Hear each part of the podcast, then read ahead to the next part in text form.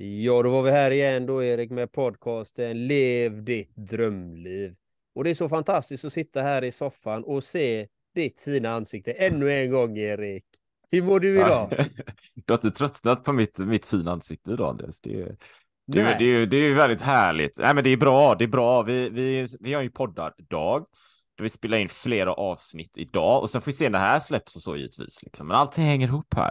Och, och idag har vi haft liksom lite lite hälsofokus. Vi pratar lite om hur året har varit och nästa år kommer att, att vara. Eh, Anders Murman har vi haft med här. Det kan vara ett avsnitt innan det här. Du lyssnar på det här som lyssnade, eller efter det här kanske. Eh, så allting fint och allting fint med mig också. Haft en, en grymt bra träning senaste tiden. Bra löpning, bra kallbad, bra styrketräning. Bra, bra, bra, bra. Och ibland utmaningar som det, som det är liksom. Men eh, det, det går fint liksom. Eh, bra mätvärden. Ja, jag tycker jag har haft, jag har haft bra mätvärden, Andreas. Jag, jag är ju Ace Tracker och jag har det ena och det andra. Och jag har mina egna system. Jag är så här lite Excel-nörd. Kanske jag får erkänna mig själv vara det. Jag inser att jag är det. Jag har ju Excel-ark och skriver ner rubbet liksom varje dag. Bra mätvärden. Så. Hur, hur, är det, hur är det med Andreas då? Jo, det är jättefint. Det är fint. Fick en Fick faktiskt en kaffe av min partner här. Hon kom ner i förra avsnittet, kom och smygande och gav mig en god kaffe. Hon bara, det måste du ha nu när du sitter där och poddar. Så jag har det fint här. Jag mår fantastiskt. Men idag har vi faktiskt lite extra roligt. Vi har hälsoingenjör med oss idag va? Jajamensan, nu är jag här. och vad är det du heter då? Och vill du presentera dig lite själv där Eva? Ja, men jättegärna. Mitt namn är Eva Mörk och det är jag som är då hälsoingenjören. Och det innebär att jag kombinerar min tekniska bakgrund. Jag har en civilingenjörsexamen då från KTH i teknisk fysik och datateknik med en gedigen utbildning inom näringslära, funktionsmedicin, precisionshälsa och också certifierad beroendeterapeut inom mat och socker. Och man kan säga att det finns två anledningar till att jag blev en hälsoingenjör. Det första det är att jag har jobbat inom näringslivet i över 20 år som vd och företagsledare och haft väldigt mycket personalansvar. Och när man har personalansvar så växer ju också frågan, vilket ansvar har man som arbetsgivare att föra folkhälsan framåt och inte bakåt? Och vad krävs det egentligen för att få sina medarbetare att topprestera utan att de blir utslitna? Jag tycker att ambitionsnivån måste ju vara ändå att få medarbetare att topprestera utan att de blir utslitna, inte att de inte ska bli sjukskrivna. Eh, och min absoluta övertygelse efter de här 22 åren, det är ju att eh, de företag, också de människor som jobbar på företagen, som inte förstår vad är det som är så farligt i den här moderna livsstilen? Vad är det man verkligen blir sjuk av? De riskerar ju att bli en siffra i statistiken utav någon av våra mm, moderna livsstilssjukdomar. Och den andra anledningen då till att jag blev en hälsoingenjör, det är att jag själv haft en ganska lång och krokig hälsoresa. Under många år så trodde jag att hälsa handlade om att äta mindre, springa mer, räkna kalorier, kompensationsträna, kompensationsbanta. Och det enda resultat jag fick faktiskt av det, det var en tunnare plånbok, för det är ganska dyrt att följa alla de här dieterna och mer övervikt i slutändan. Och det var först när jag förstod hur de hormonella systemen för hunger, mättnad, fettinlagring, fettförbränning fungerade som jag fick ett helt annat resultat. Och eftersom jag då är ingenjör så tycker jag om att lösa problem. Så jag vill ju förstå varför blev jag sjukt, sjukt trött och överviktig när jag gjorde precis då som Livsmedelsverket rekommenderade mig, åt fettsnällt och räkna kalorier. Och när jag gjorde precis tvärtom så blev jag liksom piggare, friskare, gladare och starkare. Och sen fem år tillbaka så jobbar jag heltid med att, eh, att eh, driva då utbildningsbolaget Elitista som tittar då på hälsa ur ett mer ingenjörsmässigt perspektiv. För jag tycker att alla ska förstå sin egen hälsa. Det är först då man kan ta kontroll över, över sitt liv och eh, rätta till rätt problem. För inom hälsobranschen Eh, Eh, då vill man gärna gå liksom på någon lösning innan man har en aning om vad problemet är. I ingenjörsvärlden där jag kommer ifrån, där ringer man ju in problemet och sen letar man en lösning. Men i hälsobranschen när jag kom in där, då gör man precis tvärtom. Man, man börjar någon ny diet, man börjar någon träning, man äter ett kosttillskott, men man förstår egentligen inte vad är det för någonting jag ska lösa. Och då har jag ju blivit väldigt intresserad av det där med metabol hälsa och varför det är så otroligt viktigt att mäta den, analysera den och tolka den. Så det är lite min bakgrund. Det var, det var, det var, det var rakt på där. Det, det gillar vi. Bam! Ja, det, ringer. det, var, det var rejäla doningar, Eva. Det är bra grejer. Och jag, jag, en, en tanke som kommer upp, ja, jag skriver ju ner och antecknar här, va? men några ja. frågor och funderingar och så här. Det, det, det var, jag tror det är grunden liksom. Varför, varför kan vi inte bara, varför, varför går vi inte till grunden med hälsan från början då? Varför ska vi gå de här omvägarna hela tiden liksom och försöka titta på symptom, lösa symptomen? Var, var, varför kan vi inte bam, gå in på grunden? Därför att det är en kunskapsfråga. Dels är det naturligtvis de vanliga krafterna, att det finns ekonomi i det. Jag menar, det är ju inte Alvedonbrist vi lider av om vi har ont i huvudet eller kortisonbrist vi lider av om vi har ont i knät liksom. Men det finns ju naturligtvis en hel, en, det finns starka krafter där man faktiskt bara vill bota symptomen. Sen tror jag också att hela liksom traditionellt sett så de här moderna livsstilssjukdomarna, de har ju kommit egentligen starkt de senaste liksom 60-70 åren. Så hela vårt sjukvårdssystem är ju uppbyggt kring sjukdom, akuta mm. sjukdomar. Du får lunginflammation, du får en bukspottelinflammation och då är ju hela systemet uppbyggt efter det, vilket är bra. Men när de här livsstilssjukdomarna då eh, kommer in, då är inte systemet uppbyggt för det och då är man inte van att, att titta liksom på grundorsaken, utan då vill man man bota symptomen istället, för att det är det man har lärt sig. Så ingen skugga ska falla över sjukvården som sådan, för de, de lever i ett system som inte är byggt för, för det här som kom. Cool fact a crocodile can't stick out its tongue. Also, you can get health insurance for a month or just under a year in some states. United Healthcare short term insurance plans, underwritten by Golden Rule Insurance Company, offer flexible, budget friendly coverage for you. Learn more at uh1.com. A lot can happen in the next three years. Like a chatbot may be your new best friend. But what won't change? Needing health insurance. United Healthcare Tri Term Medical Plans are available for these changing times Underwritten by Golden Rule Insurance Company, they offer budget-friendly, flexible coverage for people who are in between jobs or missed open enrollment. The plans last nearly three years in some states, with access to a nationwide network of doctors and hospitals. So for whatever tomorrow brings, United Healthcare Tri-Term Medical Plans may be for you. Learn more at uh1.com. Many of us have those stubborn pounds that seem impossible to lose, no matter how good we eat or how hard we work out. My solution is PlushCare PlushCare is a leading telehealth provider with doctors who are there for you day and night to partner with you in your weight loss journey. They can prescribe FDA-approved weight loss medications like Wagovi and Zepbound for those who qualify. Plus, they accept most insurance plans. To get started, visit plushcare.com slash weight loss. That's plushcare.com slash weight loss. Mm. Och hur, hur hur, tänker också, du, du berättar en del här, men, men, jag, men jag kanske ställer frågan igen då. Är det din egen hälsoresa liksom? Nej men alltså jag är ju då, nu ser ju inte tittarna det, men jag är ju asiat då och kommer från eh, Korea. Jag var aldrig gjord för den här västerländska maten kan jag säga från början. Den här söta processade kolhydratsrika maten. Då säger en del, det inte var inte vi heller, men jag tror att asiater var extra känsliga för det. Och framförallt då mot mjölkprodukter. Eh, som, jag är uppvuxen på 70-talet, du vet, verkligen med föräldrar som har tryckt i mig det är, det är Skogaholmslimpa, det är O'boy, det är lightprodukter. Jag har ätit allting som det överhuvudtaget har stått light på. Och jag var ju liksom extremt fettskrämd, levde på Coca-Cola light och trodde verkligen hela tiden att jag, eh, att jag levde nyttigt. Alltså det, det är det som tror jag är den här föreställningen. Och nu när jag jobbar med det här, då har jag aldrig träffat någon som tycker att de äter onyttigt. Någonsin. Alltså jag har ju pratat med tusentals personer och alla säger att jag äter nyttigt. Och det är det som är intressant, att vi lever i den tron. Att, att det som vi eh, äter och lever, det är rätt för oss. Men jag fick ju problem med vikten redan i, eh, i tidiga tonåren.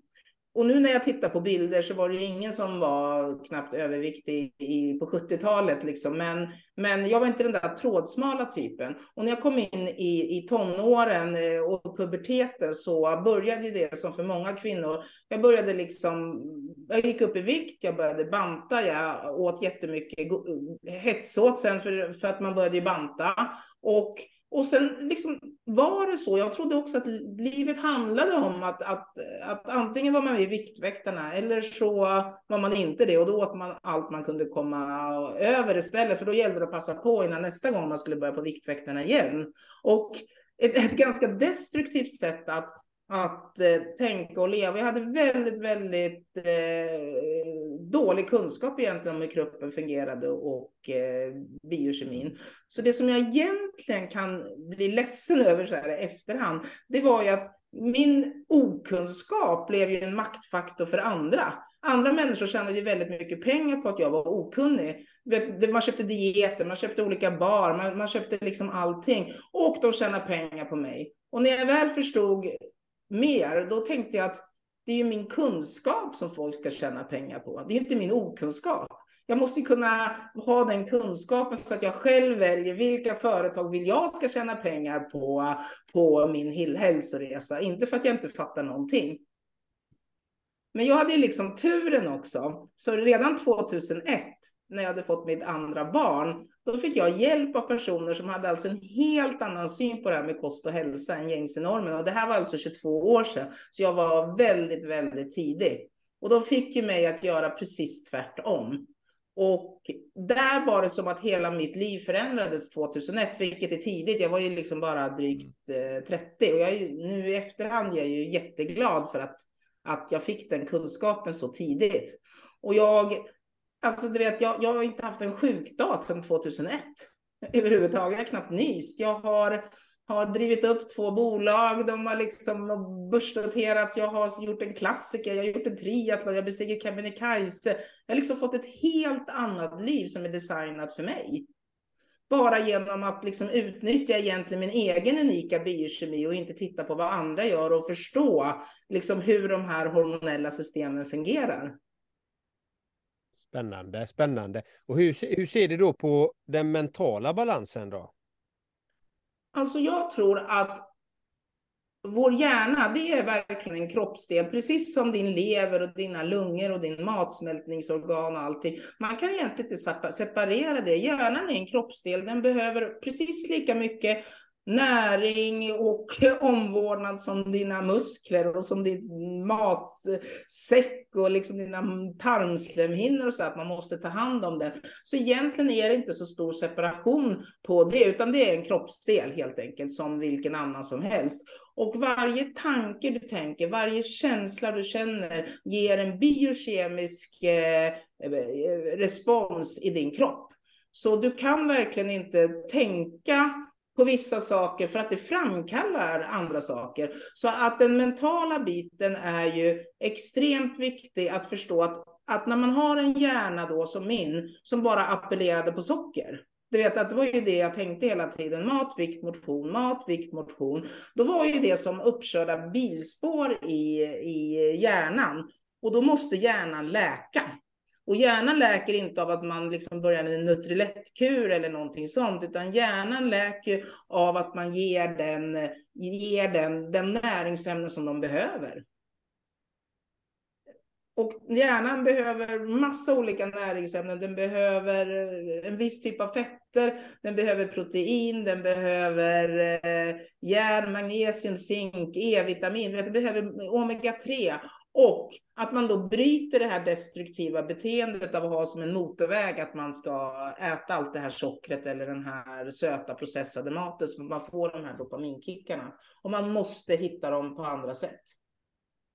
Mm. Det är som, eh, kommer ihåg jag skrev någon egen blogg men det var, det var ett tag sedan i, i, i Torsdagen Amstad. Jag, jag skrev så ja, men du, jag, jag insåg ju att tankarna är ju inte bara tankar, alltså hjärn, kroppen är ju inte bara någon någon farkost och hjärnan är instrumentbryggan eh, liksom, där man sitter och styr kroppen och det är två själv, liksom, separata bitar så här liksom. Mm. Utan allting hänger ihop. Hjärnan, det är som du säger, det, det man tänker får ju en fysisk eller fysiologisk kanske man säger reaktion då. Och det ja. man äter påverkar hjärnan också. Ja, man bildar signalsubstanser eh, och man ska se till att de här kopplingarna funkar. Alltså det, det här är mycket mer avancerat än man kanske trodde förut, men en sån typ av, eh, vad ska man säga, att separera det, det tror jag är, är lite det som är problemet nu för tiden.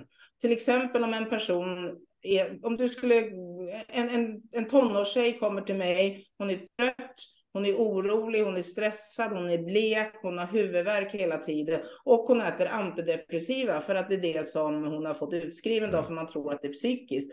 Medan jag tror ju att det man ska börja titta på det är att stärka upp hennes fysik så att hon blir mottaglig för att ta, ta, ta emot liksom terapin och bygga en stark hjärna. Det vill säga titta på hur ser hennes hjärnvärden ut? Många unga kvinnor har ju järnbrist. Hur ser B12-värdena ut? Hur ser hur hennes förmåga att ta upp eh, protein? Och då upptäcker man att ja, men hon har ju järnbrist och av järn behövs ju väldigt mycket då för att man ska bilda serotonin. Mm. Och serotonin är ju vårt må bra-hormon. Eh, och från serotonin så bildar man ju melatonin. Och melatonin är ju vårt sömnhormon, det vill säga har man järnbrist så kan man då få mycket sämre, eh, mår man sämre och så sover man sämre. Och då är det inte liksom antidepressiva kanske som är, är det som hjälper i första hand. Jag har ingenting emot mediciner som sådant, men jag tror att man får mycket mer effekt och man kan liksom stärka upp andra saker också samtidigt. Så vilka var dina första steg då 2001 till att göra den förändringen som du har gjort? Alltså jag är ju lite all in personen, så när jag väl förstod vidden av sockret, av, av den processade maten, av alla lightprodukter, då, då på tåget hem åt jag min sista liksom polypåse. Och sen så, sen, sen var det så här, det här ska inte jag göra. Alltså jag bytte så mycket av min kost och nu liksom nästan alla tycker att jag är extrem. Och ni förstår ju på 2000-talet där, då var man ju verkligen extrem. Men det enda jag egentligen gjorde, nu när jag tänker på det i efterhand, jag slutade med alla lightprodukter. Alltså bort med all läsk och alla liksom fejkmatsprodukter och barer och konstiga saker. Jag började äta mycket, mycket mer protein, alltså riktigt kött, fisk, ägg, grönsaker, allt sånt. Och jag började äta mycket, mycket mer omega-3 och riktigt bra fetter. Men eh, det var inte så att jag var någon taliban på det sättet att jag, att jag eh, tog bort liksom allt. Jag kan, eh, det var inte så här som liksom ketomat, utan man kan äta lite av någonting bra, lite, lite råris, men inte liksom en hel tallrik med vitt ris och inte en tallrik med pasta eller någonting sånt. Slutade helt med koffein, har inte druckit en, hållit, hållit en kaffekopp sedan 2001. Överhuvudtaget har inte druckit en klunk läsk i princip heller sedan, eh, sedan dess. Och första två veckorna, då var det som jag hade influensa. Jag vet inte om det berodde på att det var avgiftning av koffeinet eller om det var socker. Och sen en dag, ungefär fyra veckor senare, då slår jag upp mina ögon och sen helt plötsligt så känner jag, jag vill röra på mig. Alltså, det var, det, ni som är unga och sportiga, ni förstår kanske inte känslan som har tränat hela ett liv, men jag hade aldrig gjort det. Helt plötsligt ville jag röra på mig. Och det var liksom en sån här game changer, att när kroppen läker och när metabolismen då börjar fungera, då får man ju plötsligt energi. Det vill säga, man, man naturligt vill röra på sig. Så jag tror att det är ett väldigt starkt tecken att är man väldigt trött och orkeslös, vad är det för att man lyckas inte energiförsörja sina celler på rätt sätt? Och ett väldigt starkt tecken på att, att man börjar bli frisk, det är att man, man tycker inte saker är lika jobbiga längre. Man tycker det är kul att röra på sig. Mm. Man känner liksom att det funkar. Och så gick jag ner väldigt mycket vikt jag, liksom, förut så hade jag alltid ont i huvudet, du vet, eller varenda förkylningsvirus fastnade på mig. Men eh, som sagt, jag, jag tror att det var därför jag lyckades göra den här klassiken, för att jag var inte sjuk en enda gång eh, överhuvudtaget, utan jag har liksom kunnat träna väldigt regelbundet, alltså i över 20 års tid. För att jag har fått stärkt mitt immunförsvar. Vad är det du tränar för något då? Alltså jag jag har ju aldrig kommit från träningshållet överhuvudtaget. Jag, men jag började ju liksom träna styrketräning och jag började liksom träna bodypump och göra de här sakerna. Så tyckte jag det var jättekul. Och sen så var det faktiskt några på jobbet som frågade om jag ville hänga med på en klassiker. Mm. Och för mig var ju en klassiker, du vet, det var ju helt oöverstigligt när man aldrig har tränat eller någonting. Men jag satte igång där och då upptäckte jag att, att göra uthållighetsidrotter som det där var då när jag fick lära mig allting med skidor och cykling och simning och, och det där. det krävs. Man behöver inte vara super liksom, fit och vältränad för att ta sig igenom det. Det är klart att då ska man ha bra tider när man ska springa behöver man ju ha en viss kroppsform. Men att ta sig igenom det och njuta av det och upptäcka att man faktiskt kan träna för ett sådant mål utan att vara någon form av elitidrottare. Det, det kan man göra. Helt klart. Det var jättekul. Jag, jag började lite lätt, du vet, och sprang två kilometer och så sprang jag fem kilometer. Och sen, längre och längre. Ja, och sen helt plötsligt så sprang jag sju kilometer och jag, jag började liksom, jag var på något träningsläger och lärde mig åka skidor. För ni ska veta att när man inte ägnar all sin tid åt att äta eller titta på film på kvällarna, då får man jättemycket tid över helt plötsligt. Alltså, det var nästan som man tänkte, vad ska jag göra nu? Man, men det var, man var van förut att kvällarna, då var man trött. Så efter maten och när barnen hade lagt sig, då ville man äta Polly och titta på en film. Det var det jag gjorde när jag var ledig. Och sen helt plötsligt, så när man inte gjorde det längre, så tänkte jag, vad gör man då? då? Och då blev jag jätteintresserad av allt möjligt. Liksom började lära mig att spela golf, åka skidor och, och göra helt andra saker. Det, det, jag, det påminner mig om min egen resa faktiskt. Eh, jag kommer ihåg när jag körde Vasaloppet första ja. gången. Det är nio mil öppet spår där. Och så körde jag och vi var ju inte i form liksom, vi var inte tränad. Jag, jag var ju inte gjort den, utan det var mer en pannbensgrej så att jag ska köra Vasaloppet. Och så mm. var jag mitt i Vasaloppet någon gång. Och jag, jag, som jag kommer ihåg det så var det ju fantastiskt väder. Och så tänkte jag så här, fan, att jag inte bara kan liksom njuta av det här istället ja. för att bara liksom kämpa med någon där. Ja. Som, som många kanske gör då. Och det var ju det som gav något slags startskott till mycket annat. Att jag vill ju kunna köra ett Vasalopp eller Göteborgsvarv eller en Ironman med, med glimten i ögat, liksom, med glädjen och känna i målet att fan, jag, jag vill köra mer. Då, då kanske jag är nöjd och stannar där, men jag vill ha det här suget och glädjen. Det ska inte vara pina, det ska vara liksom en, ett firande, en, något magnifikt. Jag har fixat det här nu, det är helt fantastiskt. Så. Ja. Ja, men det är lite så. Jag märkte att, liksom att om jag, en liksom halvotränad, överviktig kvinna, liksom ändå kan träna mig till det mm. där, då, är det, då går det. Liksom. Jag är inte ute efter att ha den bästa tiden eller något sånt där. För mig var det precis som att när jag fattade att om man lägger upp det och tränar, liksom, allting handlar ju, handlade ju om att man ska vänja kroppen vid att, att röra sig under lång tid. Mm. Och när man väl har gjort det, då, då klarar kroppen det på ett helt annat sätt än vad jag ens trodde var möjligt. Mm. Så jag skulle och, vilja... Ja. Jag tänker också så här, eh, för du nämnde det Eva där inledningsvis, det hänger ihop med det här då, att, att hitta sin egen biokemi. Mm. Det är inte, hur gör man det då? Liksom? Hur hittar man sin egen biokemi så man, så man vet vad man ska, vad ska man titta på sådär och hur ska man komma igång egentligen? Jag tror, precis som jag sa från början, att man måste veta vad det är för problem man ska lösa, eller hur? Så att om det är som i mitt fall var det ju att jag hade lätt att gå upp i vikt, svårt att gå ner i vikt och jag var inte den där personen som kunde äta precis vad jag ville och som andra människor skulle kunna göra. Och jag tycker att det första man ska göra, alla hälsoresor, det börjar med att bestämma hur, var någonstans liksom på den metabola skalan befinner du dig? Och metabolismen, det handlar ju om hur, hur väl du kan omsätta det du äter till energi till kroppens alla celler. Vi består ju av över 37,2 biljoner celler som behöver energi varje sekund livet ut. Och medan andra människor håller på och grälar om huruvida man ska äta karnivore eller LCHF eller keto eller vara vegetarian, då tycker jag att du behöver bara ta fram ett måttband. Och så mäter du ditt Och är det, om du är en kvinna och är över 88 centimeter, om du är en man och är över 102 centimeter, då vet du att du börjar få någon form av mer inre förfettning, att fettet börjar lägga sig liksom runt, runt magen.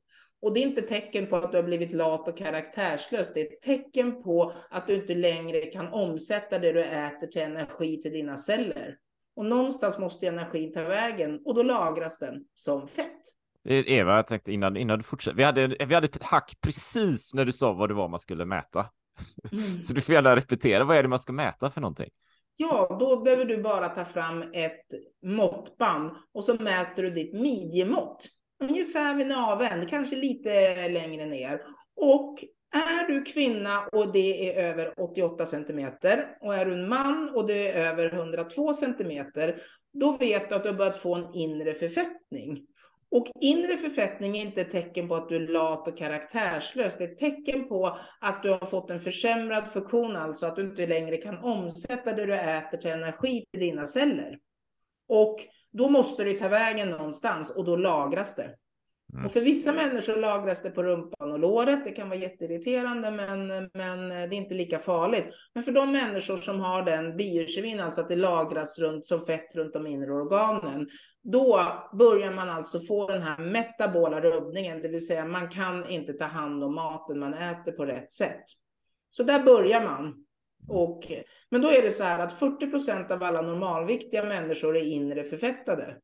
Och 20 procent av alla överviktiga människor har bara fettet på rumpan och låret. Så vill man vara, gå ett steg längre, då tycker jag man ska gå och göra sån här mätning med en maskin som, mm. där man mäter elektriska signaler. För då kan man få en mycket bättre bild av hur mycket muskelmassa har du, hur mycket fett har du, var någonstans är fettet på kroppen? Är det runt de inre organen eller är det på rumpan och låret?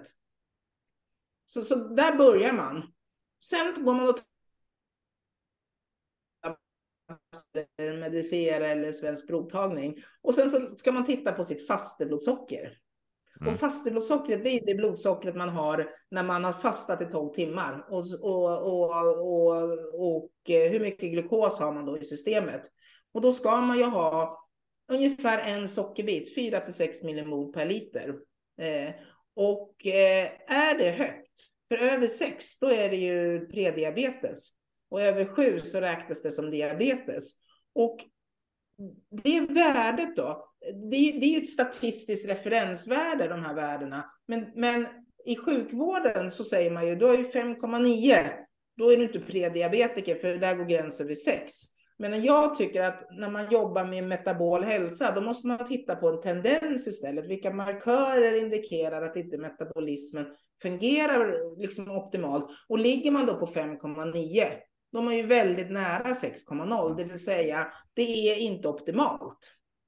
Och då är det ett tecken på att kroppen inte riktigt kan använda den här glukosen som finns i, i blodet till energi. Mm. Och där slutar ju de flesta. Och många är ju väldigt, väldigt eh, intresserade av blodsockret. Vet, man mäter sin, sina blodsockerkurvor. Och, och då är det lätt att tro att bara för att blodsockret inte sticker så är man frisk.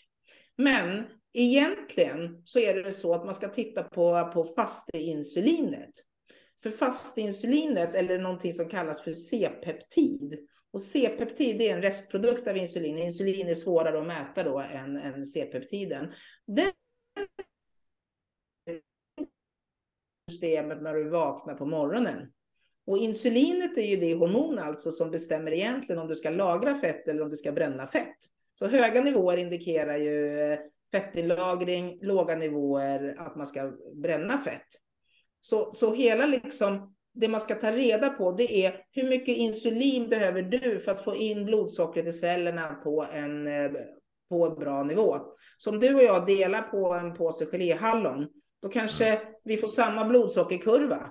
Men du kanske behöver en tiondel av insulin för att få in det i din kropp för att du är mycket yngre och mer vältränad än vad jag är. Mm. och mm. jag behöver kanske hundra gånger mer insulin än vad du behöver och därför har jag mycket svårare att gå ner i vikt, mycket lättare att gå upp i vikt. Så fetma och övervikt har ingenting med karaktär och viljestyrka att göra utan det är en hormonell obalans där man har för höga insulinnivåer eller att cellerna blivit insulinresistenta. Mm. Vad, vad brinner du för, Eva? Eh, jag brinner för att hjälpa människor att förstå sin egen hälsa. Att ingen ska bli sjuk på grund av okunskap och att man inte ska gå år ut och år in och vara trött, ont i huvudet, eh, räkna kalorier, banta och hela tiden driver man upp sina blodsockernivåer, sina insulinnivåer och till slut så har man prediabetes och sen diabetes eller ett metabolt syndrom. Och det märks att du brinner för det, för det var därför jag ställde frågan. det gör det va? Jag ägnar mitt liv åt det här. Jag har till och med skrivit en bok om ämnet. så, det, så det här är, är väldigt viktigt, tycker jag. Ja, så bara, bara hur, hur, ser en, en vanlig så kallad vardag ut för Eva? För du är ju också entreprenör, du gör ju massa saker. Hur ser en vanlig vardag ut för dig? Men en vanlig dag för mig, jag går alltid upp vid fem. Eh, jag är extremt då morgonpigg, eh, så att jag ofta lagt mig då vid halv tio kvällen innan. Men jag tycker om att vakna vid femtiden. Och då tar jag lite kosttillskott om jag ska vara ärlig. Jag tar gärna omega-3 och eh, lite B-vitaminer och jag tar ofta så här multivitamineral och kanske lite D-vitamin eller någonting sånt. Och sen dricker jag en kopp te och sen jobbar jag väldigt intensivt i två timmar, två, två och en halv timme till ungefär sju, halv åtta. För att jag behöver den här, jag behöver två, två och en halv timme att verkligen fokusera. Du vet, jag skriver ju väldigt mycket eh, föreläsningar, inlägg eh, och, och sånt. Så jag behöver ha fokuserad tid. Och sen tränar jag. Och då tycker jag det är perfekt, för då, jag, då behöver jag en paus. Sen tränar jag alltid. Och Sen är jag ju precis som, jag vet inte om ni också gör det, en väldigt fan av kallbad. Mm. Ja, men berätta.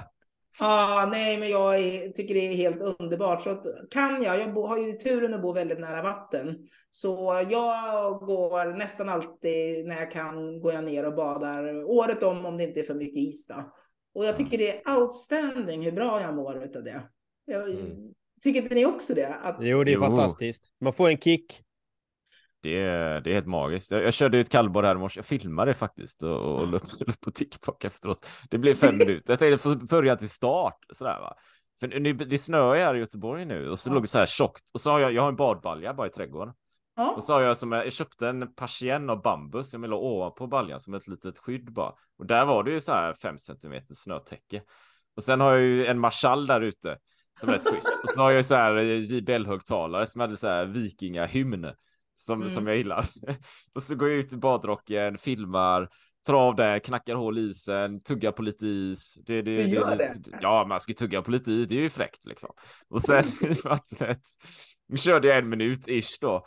Och, och, det, men det är som du säger där Eva och Andreas, det, det, är, det, är, det är nästan närmast en religiös upplevelse kan jag tycka. Det är så grundande va, det är så grundande. Mm. Och efter det, då fryser man ju ingenting när man kommer upp. Då kan jag gå till tvättstugan liksom och fixa grejer. Alltså, det är som att all, både allt har försvunnit. Hunger, törst, mm. alltså kyla, värme. Ja, jag blir helt opåverkbar av det mesta. Planning for your next trip? Elevate your travel style with Quince. Quince has all the jet-setting essentials you'll want for your next getaway. Like European linen, premium luggage options, buttery soft Italian leather bags and so much more and it's all priced at 50 to 80% less than similar brands. Plus, Quince only works with factories that use safe and ethical manufacturing practices. Pack your bags with high-quality essentials you'll be wearing for vacations to come with Quince. Go to quince.com slash trip for free shipping and 365-day returns. Hold up. What was that? Boring. No flavor. That was as bad as those leftovers you ate all week. Kiki Palmer here, and it's time to say hello to something fresh and guilt-free. Hello Fresh. Jazz up dinner with pecan-crusted chicken or garlic butter shrimp scampi. Now that's music to my mouth. Hello Fresh. Let's get this dinner party started. Discover all the delicious possibilities at hellofresh.com.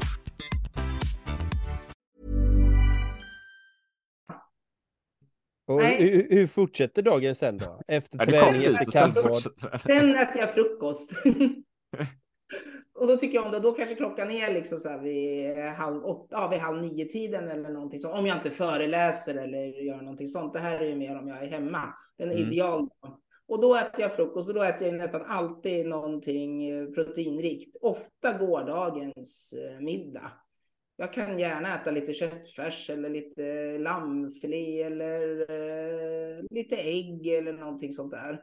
Det är liksom vad som finns eh, hemma. Men mm. jag tycker det är, är otroligt tillfredsställande och mättande att äta mycket protein. Jag tycker att allt suget försvinner när jag äter mitt protein. Mm. Det finns ju teorier om att däggdjur äter tills deras proteinbehov är tillfredsställt. Och det är därför man fortsätter äta när man bara äter eh, liksom andra saker. För att hjärnan, man inte få, kroppen känner att den inte har fått sitt proteinbehov tillfredsställt. Mm. Tror ni på det? Har ni läst om det? Nej, jag har inte läst om det faktiskt. Eh, men det kanske stämmer att man blir, man blir ju mättare när du äter mycket protein. Det håller ja. längre. Ja. Så är det. Och att liksom vilda djur när de jagar, när, när de, de slutar alltid äta när de har fått sitt proteinbehov tillfredsställt och att vi då skulle vara likadana. Så det är bra mm. att börja dagen med att äta protein för då blir kroppen lugnare. Ja, du, du, du är inte den här vakna och gå upp och äta flingor och dricka apelsinjuice? Nej, det har jag gjort sedan 2001. Men, men, men, jag är verkligen ingen hälsotaliban. Nu mm. kan när jag pratar med er kanske ni känner igen de sakerna jag gör. Men jag kan absolut eh, när jag le, liksom, njuta av ett glas vin och sådär. Men, men eh, just flingor och apelsinjuice, det tror jag inte. Det är, nej, det är kanske 20 år sedan jag drack ja. det överhuvudtaget. Nej, i så fall kanske jag skulle äta lite kokosyoghurt, brukar jag göra ibland. Det, kan Men det, det, det, det, kanske faller bort. Jag hade ju, jag körde ju en ultraintervall här nu i söndags. Det var tredje timme sprang jag en mil. Eh, två gånger, så en, en gång cyklade istället två mil och en gång gick jag med en 20 kilos viktväst då. och så körde jag det ett dygn liksom. Ja. Så dagen efter var jag på spa eh, Stenungsund, Stenungsbaden och bara, jag ska bara gutta. Och så det jag insåg efter ett tag, det enda jag ville var bara ligga i en sån där badsoffa och halvsova. det var det jag var ute efter. Men sen efteråt va, så hade de ju så här bullar och grejer på lunchen va. Eller som är små såna här eh, kaneltjosan. Ja. Tänkte ja, jag äter extremt ja. sällan sånt, men nu, nu ska jag äta. Så jag, jag åt två, tre kanske. alltså det är inga, det är inga mängder liksom. Uh, men då, då frossar jag kan jag säga. Det och det ändå inga mängder så här, så det är ju inte, nej det är ju ett frossa ändå, så det blir bara krakelspektakel kanske. det där var ett smart Ja, eller hur? Nej, men det, ja. det som jag tycker var intressant, Eva, du nämnde att du får mycket tid över, inte över, men att ja. du får mer tid eftersom du har valt bort vissa saker mm. ja. medvetet. Och vad gör du med den tiden då? Ja, men det har ju varit lite olika under årens lopp eftersom jag har hållit på så länge. Eh, första åren så ägnade jag ju faktiskt mer åt att försöka ta mig igenom den här klassiken och börja träna som jag inte hade gjort förut. Och, och sådär. Men jag har läst mycket mer böcker, jag har umgåtts mycket mer med mina barn då. Nu är ju de vuxna, men under alla de här åren har jag varit i ett helt annat fokus faktiskt, i, i närvaro. Att jag har varit mycket, mycket mer med dem. Sen har jag alltid tyckt om att jobba naturligtvis, så jag har pluggat mer, jobbat och sen mediefast är jag också. Mm. Och det började jag med också där runt 2001. Då var det inte lika mycket medier, men jag gör det fortfarande. Och jag lovar det, man missar inte jättemycket när man mediefastar. Alltså, det är lätt att tro att att man missar jättemycket. Men jag, jag får reda på saker ändå, vad som, om det är stora saker som händer. Men jag är inte sån här som måste läsa alla tidningar varje dag och insuper alla nyheter och sådär. För att det, det stör min mentala lugn. För det är lätt att tro att allt är eländet i världen om jag skulle läsa bara om krig och höga elpriser och lågkonjunkturer. Och världen är faktiskt inte så det finns liksom så mycket som är bra, men det, det, det, det sänder en signal av att allting är så dåligt hela tiden. Så jag, min, jag skyddar min hjärna. Jag vill inte läsa för mycket sånt. Jättebra. Ja, jag älskar det. Det är precis det, det man ska göra. Ja, du ska skydda din hjärna ifrån, ja. ifrån influenser som inte ger dig någon nytta, till exempel. Nej. Jag själv inte kollat på nyheter sedan i början av 2000-talet heller. Och du är inte så att du har missat saker, du, får ju reda på saker ändå. ja, ja, men man får reda på det viktiga. Ja. Är det restriktioner, är det är det, det så får man reda på det. Det är inga konstigheter. Utan du, det handlar om att skydda sin hjärna. Du kan ju lägga istället för en, två timmar på nyheter som ja. många gör. Ja. Läs en bok. Läs Precis. någonting som ger dig nytta, ger dig kunskaper, färdigheter. Så det, jag blir jätteglad att du säger det med media. Din man eller dina barn mer och ha ett samtal tycker jag istället. Än att insupa allt det där och tro att man missar någonting bara för att man inte följer det. Sen har jag faktiskt inte tittat Sen skyddar jag mig gärna även från program. Alltså jag, jag, vill, om jag, jag vill inte ens titta på Hela Sverige bakar och Dessertmästaren och det där. För jag tycker också att det stör min mentala lugn. När man hela tiden sitter och tittar på socker och de här bitarna. Det blir inte heller ett lugn i hjärnan. Jättebra. Jag kollar inte på tv heller. Det har inte 2000-talet heller. Inte jag heller. Alltså, kanske lite OS, du vet, eller något ja. sånt där när det är finalen eller någonting. Men eh, jag, jag, tittar liksom inte på tv och det tycker jag det, många säger till mig, Gud, hur hinner du? Eftersom jag ändå då driver i många bolag och gör mycket saker. Men man, jag tror istället att all den här media tar väldigt mycket tid som man inte tänker från andra, att det finns tid. Det är mm. bara det att, att eh, man inte liksom, det skär tid. Och sen mm. är jag extremt disciplinerad vad det gäller att planera maten. Det vill säga, jag tänker alltid till liksom att jag kanske gör en jättestor stek på söndagen och då äter jag den på söndagen. Och på sats med köttfärsbiffar på måndagen och då äter vi den måndag och torsdag. Och vips så har jag ju mat för hela veckan. Och jag har inte ens behövt laga till speciellt mycket. Kan du, nämna det, kan, kan, du nämna det du sa, för det hackade precis där när du sa söndagen. Ja. Nej, utan jag, eh, jag är väldigt liksom planerande vad det gäller maten. Eh, jag är ingen sån som kommer hem en onsdag och tänker oj vad ska jag äta, jag kanske borde tina någonting. Nej, då är det lättare att åka och, och köpa någonting. Utan jag lagar en jättemycket mat en söndag. Alltså jag kan lägga in två stora stekar när jag ändå lagar mat. Och sen äter jag det även på tisdagen och lite lunchlådor. Mm, mm. Och på måndagen, då kanske jag lagar jättemånga köttfärsbiffar. Och sen mm. äter jag dem måndag och onsdag, vilket gör att jag har mat för hela veckan bara på två, två gånger lagar jag mat och då har jag mat ända fram till torsdagen. Gör ni också så? Spara tid. Det gör det. Jag, jag, tänk, jag tänkte, det kan ju vara värt att lyfta lite extra här faktiskt. Det, det är värdet i att spara tid. För jag, jag delar ju den upplevelsen också. Jag, jag, jag ser på mig själv utifrån någon slags utanför perspektiv här så ser jag, alltså, det är en snubbe som gör väldigt mycket. Jag, jag gör ju grejer hela tiden liksom. Om jag är ute på gymmet och tränar, så ute och springer, eller så kallbadar jag, eller så håller jag på med, med bolaget, liksom Two Strong mm. Arms, eller så coachar jag, eller jag gör grejer hela tiden. Eh, eller fixar schysst käk, Mm. Eh, och sen på kvällarna brukar jag ta någon timme och bara ta det lugnt och, och, och chilla och läsa en bok eller jag kan, jag kan kolla på lite serier också och sådär. Men, men all övrig tid, bara, jag är ett görande. Jag flow bara. Men det är, inte, det är inte den här heller att, jag har i och för sig sådana att göra-listor, det har jag ju med då, men det är inte den här och jag måste, jag måste, jag måste hinna med grejen, utan det är mer som en inre drivkraft att det bara sker. Nej, men precis, jag har inte heller det, utan jag har bara tänkt att är det inte viktigast att lägga energi på det som, alltså att äta, det vet jag att jag måste göra. Det kommer inte som en överraskning liksom att jag måste ha mat och jag har ju liksom haft, mm. nu har ju mina barn flyttat ut, men under den tiden så att, och de har ju gått på olika träningar och grejer. Så jag tycker att, att, att bara tänka oj, vad ska vi äta idag varje gång när man har två killar liksom som ska på fotbollsträning och grejer. Det är ineffektiv tid. Att istället liksom tar man bara lite mer tid när man ändå lagar mat. Att förbereda Exakt. lite mer. Då har man ju liksom sparat flera timmar tycker jag i mm. veckan. Bara ta ut någonting ur frysen och kanske tillaga det på kvällen när jag ändå är hemma. Då är det klart dagen efter. Jag så liksom en... slösa inte tid på någonting som du ändå måste göra. Exakt, bam. Jag, jag har en annan, en annan liten lite fundering där. Va? Du nämnde Eva inledningsvis. Um, jag kommer inte ihåg hur, hur, vad du sa exakt, men det här med att sätta hälsa i fokus och, och i kombin att du att du hjälpte bolag, företag, att de ska liksom jobba med företagshälsa och sådär. Ja. Någonting om det. Det jag upplever, har upplevt, är att när jag har varit i kontakt med bolag och så har jag pratat om hälsa och sådär, så har det ofta hamnat i andra hand. Att det som är det viktiga för många företag är att de ska öka försäljningen, liksom inkomsterna, mm. omsättning och sådär. Och så kommer jag in från någon sida så här och så pratar jag, men hälsan är ju viktigt. Utifrån mitt perspektiv så har inte personalen är hälsosam och frisk så kommer de inte kunna leverera heller. De kommer ju bli uttalmade.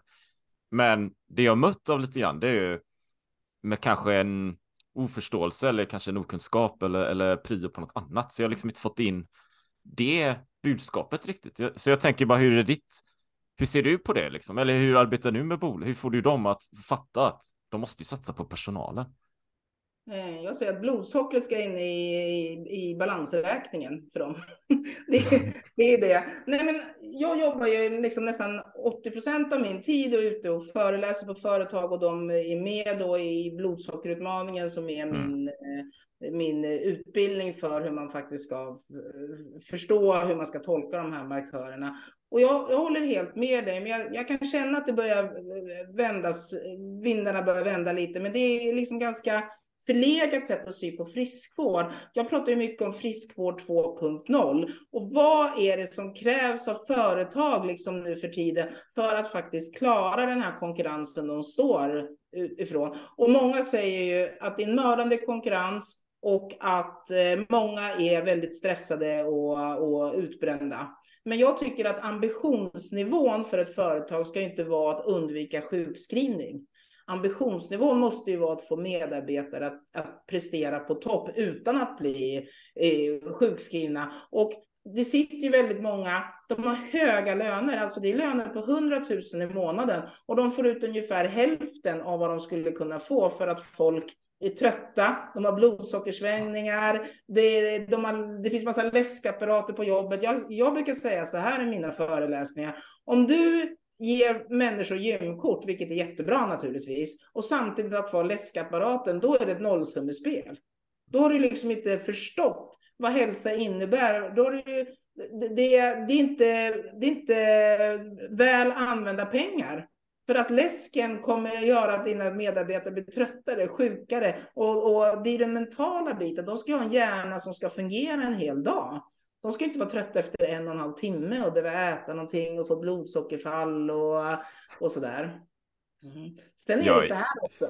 Ja. att, att Yttre stress, om man, om man, om man ser liksom på stressen hos en människa, yttre stress, det är faktiskt bara 25 procent av, mm. av den stress som en kropp upplever. Du vet, mm. man är arg på sin partner och man och allt sånt där. 75 procent av den stress som kropp upplever, det är Inre stress, det är alltså blodsockersvängningar som är extremt stressade för kroppen. Det är låggradig inflammation, det är fel cirkadisk rytm. Så jag tror att börjar man rätta till de bitarna, då klarar de flesta den här 25-procentiga stressen. Det ska man, tyvärr måste man ju klara den nu för tiden. Men börjar man med den och det andra man är inflammerad, man har helt fel cirkadisk rytm, då är det ganska lätt att man inte klarar av de här sista 25 procenten och så blir man ju sjukskrivning och eh, man blir eh, utmattad. Jag har en, en, en, en, en, en, tanke, en delning bara. Det är ingen fråga här egentligen, utan det är bara en, en not, notering. Så här. Jag, jag jobbar ju mycket med event, så jag är ute på många konferenser, eh, ja. hotell och spaanläggningar så här, och, och är där på olika kickoffs och liknande. Och då är det ju grupper vi arbetar med, allt från kanske mindre 10 pers till 100-200 pers. Och då är det ofta så här att de, först har de ju lunch, någonting, och sen har vi någon slags event, en timme eller en och en halv timme. Sen är det alltid en fika efteråt. Och ibland fortsätter efter fikan och då kommer ju många tillbaka med, med tallrikar med, med bullar och choklad och godis och så här. Och en del ställen serverar ju det dessutom så här, gratis, att man bara kan plocka på sig. Så det är ju verkligen den här socker, eh, socker, ja. sockervärlden eh, marineras i socker hela tiden och dessutom alltså, man, man blir sliten liksom. Man blir trött efter ett tag. Ja, för att man försämrar ju sin metabolism, alltså sin mm. förmåga mm. att energiförsörja kroppen så fort man äter allt det här sockret. Och jag håller med ja. dig. Jag tycker att det är jag tycker inte det hör till moderna företag 2022 att, att inte förstå det här och att mata sina anställda med totalt näringsfattig mat som inte tar dem ett enda steg närmare målet om de nu ska du vet, konkurrera med företag på, på samma nivå eller erövra världen. Mm. Då behöver man tänka till en gång till. Det bör man, det bör man. Ja. Nej, men du, du nämnde lite om stress där och om metabolismen, men även jag, jag funderar ju lite på Alltså det handlar, handlar lite, lite också om hur du själv relaterar till de, ex, de externa stressfaktorerna, hur du själv mentalt och strategiskt hanterar dem inom dig själv. Mm. Förstår, du min, förstår du min fråga? Nej, hon Men jag tror just det där att, att det är lätt att många, Hackare, alltså ja. jag är jätteledsen med hackandet här. Jo, hör det? Ja. ja Hörs det nu? Nej, men självklart är det så, men jag tror att om man verkligen förstår vidden av att sova, alltså vad sömnen gör för kroppen, hur viktigt det är att följa liksom en, en, en samma cirkadiska rytm, då helt plötsligt när kroppen, det vet ju själv skillnaden mellan att vara trött och vara pigg och ha sovit bra, det är ju som natt och dag. Och om man verkligen tar sömnen på allvar och, och, och ser till att lägga sig tid att sova, att skapa de absolut bästa förutsättningarna för att man ska få den djupsömn som krävs och inte snarka, du vet inte andas med munnen utan tejpa mm. munnen. Brukar ni göra det? Nej, jag tejpar aldrig. Det har jag gjort innan. Jag sover. det här är ett litet tips, hälsotips ska jag säga. Men att börja tejpa munnen, det har varit helt avständigt. Nu har jag gjort det nästan tre år. Det är det gör galet mycket för sömnen. Det, jag skulle säga det att eh, det låter inte så sexigt att tejpa munnen och det är det inte heller. Men det är väldigt, väldigt eh, bra. Man, man sover helt fantastiskt med det. Och att försöka få in det här att inte att inte vara uppe för sent, att missa sitt sömntåg. Bara där så har man minskat stressen alltså i kroppen. Och då är man ju mycket starkare. Då orkar man ju. Jag upplever att många liksom har inte energin till att göra de här förändringarna. Att det, det liksom känns oöverstigligt att laga en matlåda. För att mm. och tänka framåt. Och det är ju just för att man har inte liksom den här eh, rätt energiförsörjningen till kroppen. Så jag tror man måste börja egentligen med sömnen, med att återställa metabolismen, det vill säga du måste äta riktigt, riktigt näringstät mat tycker jag i minst en månad innan man gör någon annan livsstilsförändring. Alltså se till att verkligen äta den näringen som kroppen är gjord för. Fett, proteiner, grönsaker, mineraler. Så att du stärker upp kroppen. Sen kan du ta itu med din jobbiga man eller din chef eller liksom allt det där. Börja inte med det, utan se till att du liksom är rustad för det. Mm. Att du tänker klart. Och inte så många bara flytta, byter jobb, skilj, liksom, nu säger inte jag att man skiljer sig onödan, men, men jag, jag, tror att det är bra att landa lite och läka kroppen först och sen tar man liksom rätt beslut. Hur, hur ser, bara en annan fråga helt eh, från himlen. Hur ser du på meditation? Jag tror att det är extremt bra med meditation alltså och att det hjälper. Men jag tror att det är väldigt, väldigt svårt att få in den eh, rutinen att meditera. För det är ingenting som är lika, man ser det inte som lika livsnödvändigt kanske som motionen eller andra bitar. Men jag tror att, att meditation är the shit. Jag har själv ganska svårt att meditera. Jag tycker liksom att det är lite så här. Men eh, när jag gör det så. Sen tror jag att meditation betyder inte alltid att man gör det på det sättet. Jag tror det handlar om att man kan ibland, man måste lära sig att lyssna på sina egna tankar. Man behöver inte alltid lyssna på en podd eller ha musik i hörlurarna eller hela tiden göra sådana saker, utan det är ganska meditativt att laga mat, vara ute och gå och, och, bara vara ute och gå.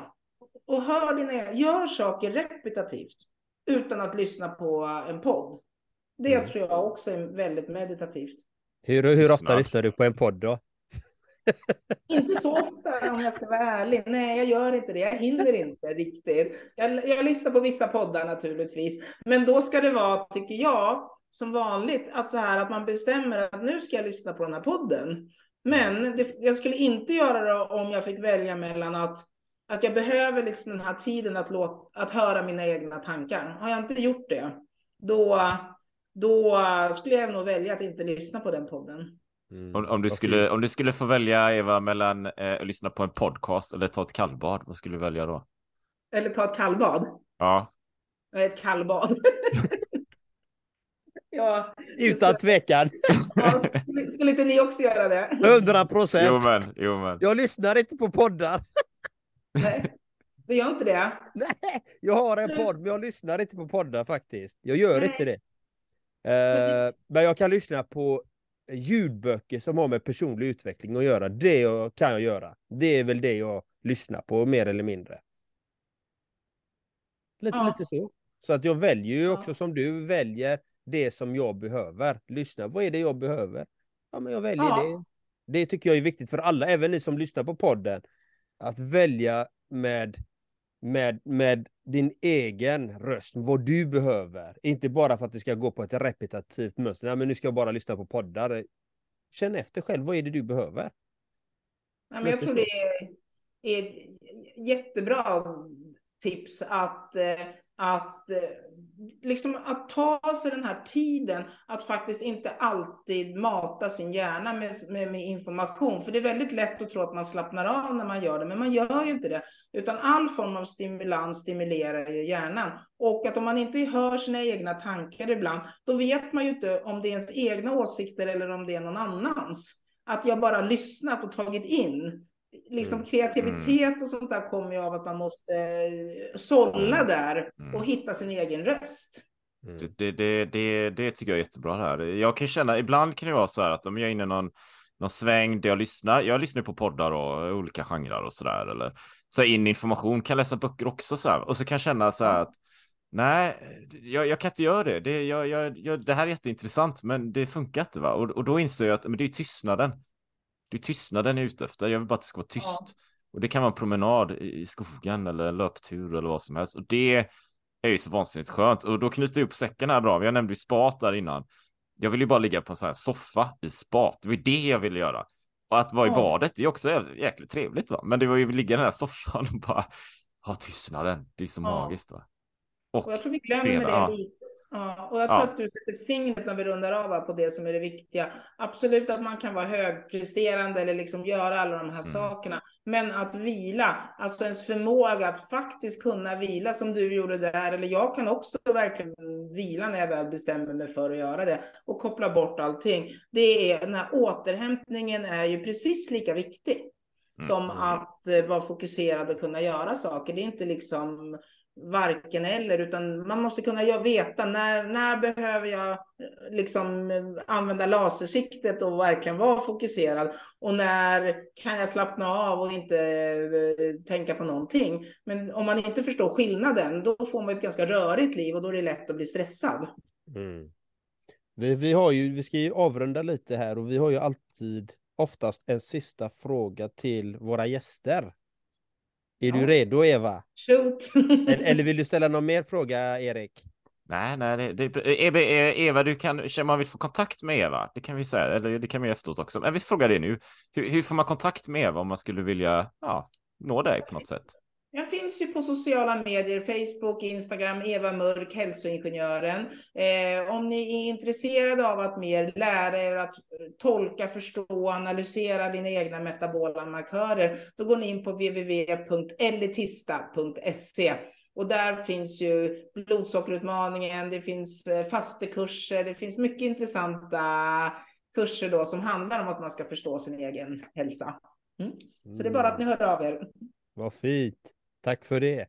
Eh, då kommer sista frågan. Eva, lever du ditt drömliv? Ja. Alltså det är en jättebra fråga. Jag lever exakt det liv jag vill göra. Jag, om jag, det finns ingenting jag hellre vill göra än det jag gör nu. Det är, men det tog mig, jag är ändå 54 år, det tog mig ganska många år att hamna där. Det är inte så att jag alltid har levt mitt drömliv, men att våga ta steget och kanske hoppa av då IT-branschen, att göra det här som, jag, oj, som ni märker att jag brinner för, det har varit så, vad ska man säga, inte befriande, men att, att hitta den här pusselbiten egentligen. Och jag brukar säga det att man ska inte fundera så mycket över om man är på rätt plats eller inte. För att om man försöker följa sin magkänsla, då hamnar man där till slut. Men man behöver våga. Mm. Man behöver våga. våga. Ja, det är bra, för det, det sa vi förra avsnittet. Våga, det här är våga. Det jag vet. Ja. Nej, men tusen tack Eva. Att du... Vad sa du? Ja, som Nalle Puh säger, ibland måste man vara modig. Ja, precis. Så är det. Tusen tack för att du var med Eva och tack till alla fantastiska lyssnare där ute. Jag hoppas att ni får en fantastisk dag. Ha det gott så länge. Hej! Tusen tack Eva. Ha det Hej, tack magiskt alla lyssnare. Det var så kul att vara här.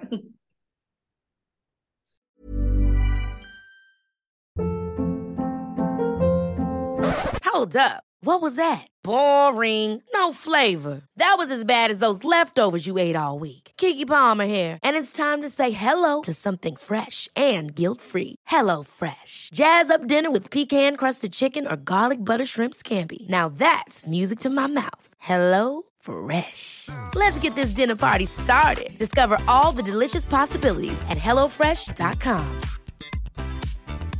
Even when we're on a budget, we still deserve nice things. Quince is a place to scoop up stunning high-end goods for 50 to 80% less than similar brands. They have buttery soft cashmere sweaters starting at $50, luxurious Italian leather bags, and so much more.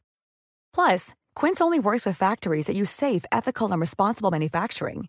Get the high-end goods you'll love without the high price tag with Quince. Go to quince.com/style for free shipping and 365-day returns. Imagine the softest sheets you've ever felt. Now imagine them getting even softer over time. That's what you'll feel with Bowl and Branch's organic cotton sheets. In a recent customer survey, 96% replied that Bowl and Branch sheets get softer with every wash. Start getting your best night's sleep in these sheets that get softer and softer for years to come. Try their sheets with a 30-night guarantee. Plus, get 15% off your first order at bowlandbranch.com. Code BUTTERY. Exclusions apply. See site for details.